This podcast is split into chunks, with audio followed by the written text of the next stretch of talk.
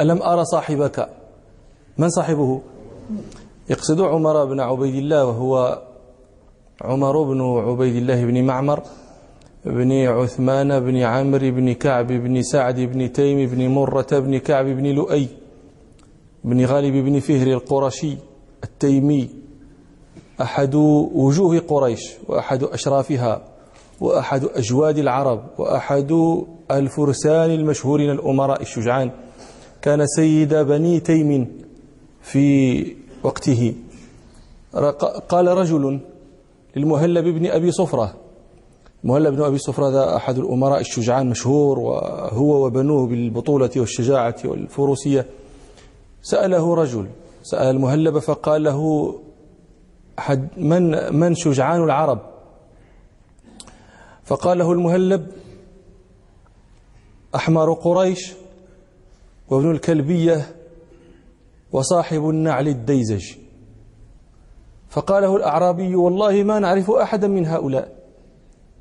فقال له بلى أحمر قريش هو عمر بن عبيد الله بن معمر. هذا.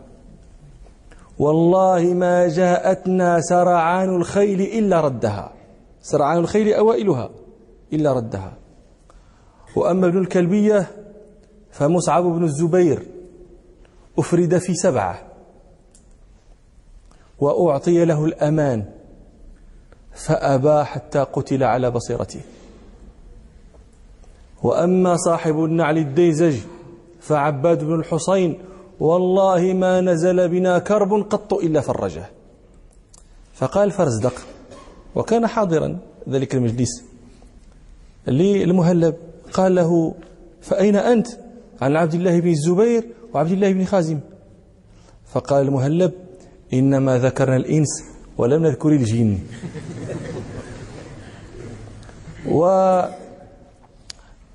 بن عبيد الله هذا هو الذي آه، قضى على أبي فديك الخارجي. أبو فديك الخارجي هذا كان استولى على البحرين وما ولاها. يعني سقط تحت يده نواح كثيرة من بلاد المسلمين.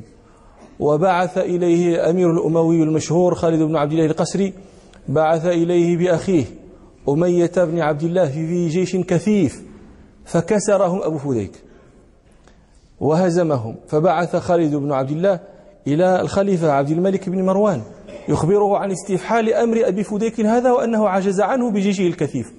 وكان حاضرا ذلك المجلس عمر بن عبيد الله بن معمر هذا. فقال عبد الملك لعمر أرأيتك لو كان عندي وتد بين عيني أكنت تنزعه عني؟ فقال عمر هذا قال إي والله يا أمير المؤمنين. فقال عبد الملك فأبو أبو فديك هذا وتد بين عيني فسر إليه. فخرج يروم تجهيز جيشه فلقيه العجاج الشاعر الراجز المشهور.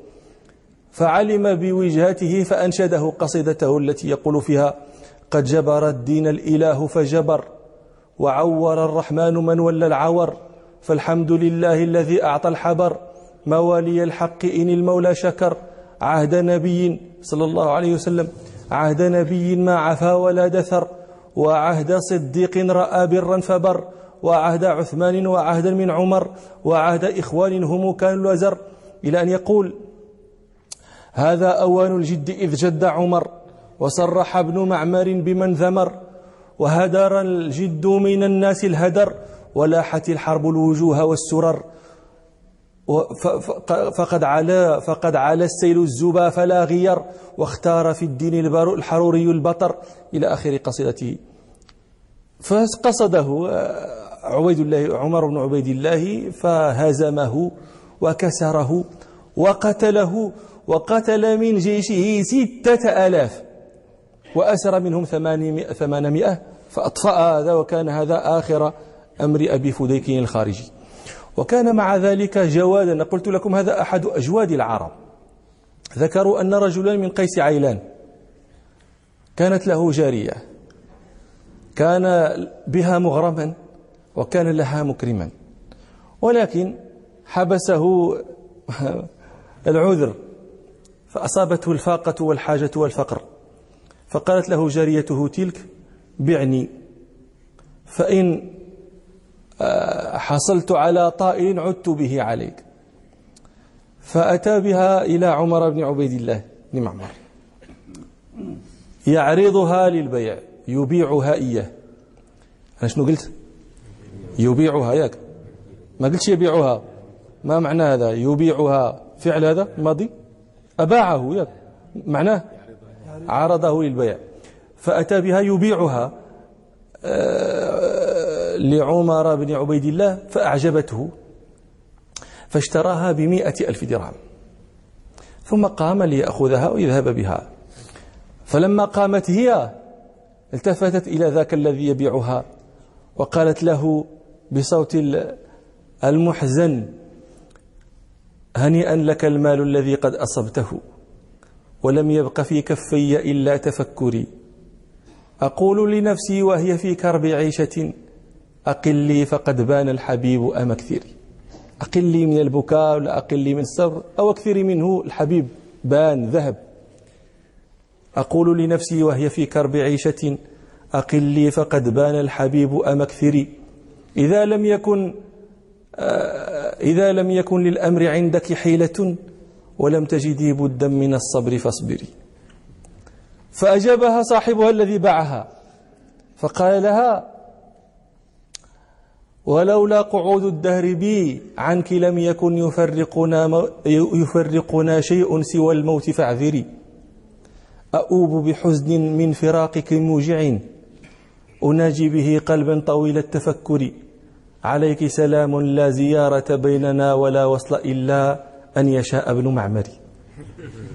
فقال ابن معمر هذا قد شئت فخذ بيدها هي لك والمال أيضا. هذا من جوده وأريحية العربي الذي هو كان. وكان كان يعني يتعهد بصلته. بعض الصحابة بعث مرة ما بمال لعبد الله بن عمر رضي الله عنهما فقال ابن عمر للرسول بعد أخذه المال قل له وصلتك رحم قد جاءنا على فاقة. وبعث بمثله القاسم بن محمد بن أبي بكر فامتنع ولم وأبى قبوله. فتكلمت زوجه وقالت للرسول إن كان القاسم ابن عمه فأنا أيضا ابنة عمه فأعطنيه فأعطاها إياه فأخذته. ومن آه، طريف ما يذكرنا في ترجمته أنه تزوج آه، رملة بنت عبد الله الخزاعية. رملة هذه كانت امرأة حسنة الجسم لكن كانت جهمة الوجه عظيمة الأنف. وتزوج عائشة بنت طلحة بن عبيد الله وهذه كان يضرب بحسنها المثل. فكانت كان يجلس يعني مرة النوبة عند رملة الخزاعية ومرة عند عائشة ففي يوم وهو عند عائشة هذه يخبرها عن بطولاته يعني فشرع يقول يخبرها صنعت كذا مع أبي فديك وفعلت كذا وكذا كذا إلى آخره. فقالت له هي قد علمت أنك أشجع الناس ولكن أعلم لك يوما هو أعظم من هذا اليوم الذي ذكرته أنت مع أبي فديك. قال ما هو؟ قالت يوم كشفت على رملة وأقبلت على وجهها وأنفها. ومات رحمه الله سنة اثنتين وثمانين. وكان سبب موته أن, الحج أن ابن أخيه عمر بن موسى كان خرج مع عبد الرحمن بن الأشعث في الفتنة المشهورة بفتنة القراء. خرج بعض القراء والمحدثون والفقهاء مع عبد الرحمن بن الأشعث خرجوا على الحجاج ثم خلعوا عبد الملك بن مروان فبعث إليهم الحجاج وكانت بينهم وقائع إلى أن قتل عبد الرحمن الأشعث وقاتل الحجاج قوما كثيرين من الفقهاء والعلماء الذين خرجوا معه. فكان من جملة من أخذ آه، ابن أخي عمر هذا واسمه أيضا عمر. علم عمر بن عبيد الله أن ابن أخيه مقتول لا محالة. فخرج يسابق الريح يقصد الخليفة في دمشق ليشفع لابن أخيه. هينجيه من سيف الحجاج؟ فلما بلغ موضعا يقال له الضمير. وهو يعني دنا من دمشق لم يبقى بينه وبينها إلا نحو خمس عشرة ميلا. إلا خمسة عشر ميلا بلغه في ذلك الموضع في الضمير أن الحجاج بن يوسف ضرب عنق ابن أخيه. فمكث في في موضع ذاك مكمودا محزونا إلى أن مات كمدا. وفي ذلك يقول الفرزدق في مرثية له يرثي بها عمر هذا. يقول أما قريش أبا حفص أبو حفص كنية عمر بن عبيد الله تيمي هذا. يقول أما قريش أبا حفص فقد رزئت في الشام إذ فارقتك البأس والمطر. البأس لأنك كنت شجاعا والمطر تكنية عن الجود. إن الأرامل والأيتام إذ هلكوا والخيل إذ هزمت تبكي على عمر. ما مات مثل أبي حفص لملحمة ولا لطالب معروف إذا افتقر. يا أيها الناس لا تبكوا على أحد بعد الذي بضمير وافق القدر. كانت يداه يدا سيفا يعاذ به من العدو وغيثا ينبت الشجر رحمه الله. نعم. عن